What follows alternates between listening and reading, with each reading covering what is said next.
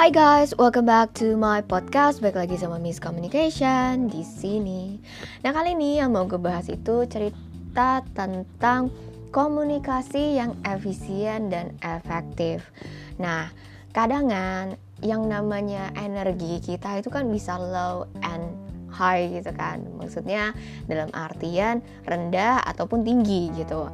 Di mana ketika energi kita tinggi ini berarti kita sudah cukup tidur, cukup makan, cukup segala hal sehingga membuat stamina kita tuh uh, kuat dan juga berpikir jernih. Dan itu juga yang bisa membantu terutama saya dalam menyampaikan sesuatu ataupun berbicara dengan orang lain. Tapi coba ketika waktu energi gue rendah dalam artian capek, kurang tidur, terus abis itu terlalu banyak aktivitas sehingga energinya terkuras habis kan. Dan saat ingin menyampaikan sesuatu uh, ah, gue nggak tahu ya kalau misalnya yang lain gimana. Tapi kalau gue sendiri gue ngerasa kayak capek. Jadi ketika orang lain ngobrol apa udah apa namanya udah nggak udah nggak masuk gitu kan. Terus juga di kitanya jadi nggak bisa nyimak secara jelas. Dan ketika ditanyain kamu dengerin nggak? Iya dengerin. Tapi gimana ya bilangnya ya? Um, karena capek jadi nggak nyimak gitu. Dengerin tapi nggak nyimak gitu kan dan di sini yang akan gue bagikan ada empat tips untuk membangun komunikasi efisien dan efektif. Yang pertama, itu mendengarkan lawan bicara dengan kondisi baik gitu. Hmm, dalam artian kalau misalnya kita capek tapi kita harus ngedengerin, kita bilang dulu di depan kalau bisa ya kalau kalau enggak juga nggak apa-apa gitu. Seenggaknya mereka jangan sampai salah paham gitu. Oke gue dengerin tapi lo harus ngerti kalau misalnya gue lagi dalam kondisi kurang baik atau kurang sehat misalnya. Jadi uh, kita usahain ya maksudnya um, harap sama-sama saling mengerti gitu.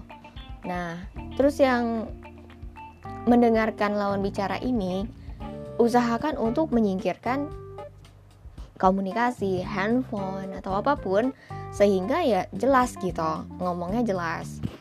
Dan mendengarkan lawan bicara ini dalam artian kita nyimak apa yang dikatakan dan apa yang diceritakan dan apa yang bisa kita sampaikan. Karena ya ketika kita fokus kepada diri sendiri dan misalnya kotak atik handphone atau apa gitu kan akan dipandang sebagai sosok yang tidak menghargai orang lain gitu ketika orang lain bercerita nggak didengerin atau apa gitu kan dan lebih baik untuk berbicara dan mendengarkan, mendengarkan dan berbicara itu 50-50 dalam artian seimbang. Hanya saja kalau misalnya ada yang lebih besar atau yang lebih kecil, selama sama-sama saling memahami dan mengerti, tidak masalah gitu. Terus yang kedua, mengajukan pertanyaan. Jadi pertanyaannya itu berhubungan dengan seputar apa yang diceritakan. Yang ketiga, memberikan informasi dengan jelas. Nah, informasi ini secara jelas itu dalam artian ya jelas, tepat, akurat, dan tentunya membuat lawan bicara tuh mengerti apa yang ingin disampaikan. Kadang kalau misalnya gue berbicara dengan anak umur 10 tahun sama anak umur 3 tahun itu nggak akan sama kan bahasanya gitu kan kita harus menyesuaikan dengan bahasa yang sehari-hari mereka pakai dan mereka dengarkan sehingga kita juga bisa menyampaikan maksud dari apa yang kita sampaikan dan yang keempat mengkomunikasikan kombinasi komunikasi verbal dan nonverbal. Komunikasi verbal itu seperti tulisan atau seperti um, ngobrol biasa gitu. Sedangkan nonverbal itu dari mimik dari apa yang disampaikan itu sesuai atau enggak gitu kan kenapa? Karena ini akan menciptakan komunikasi yang efektif dan efisien. Gerakan nonverbal itu seperti mengangguk tersenyum dan intonasi suara gitu. Kalau gerakan verbal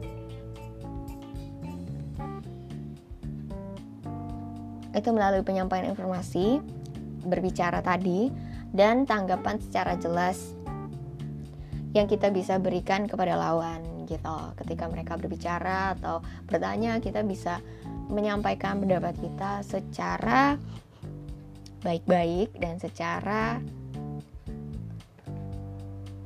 sederhana juga yang bisa dimengerti. So guys, I think this is all for today. Semoga apa yang gue sampaikan di sini bisa bermanfaat untuk teman-teman sekalian. Thank you so much for listening and I hope you have a great day.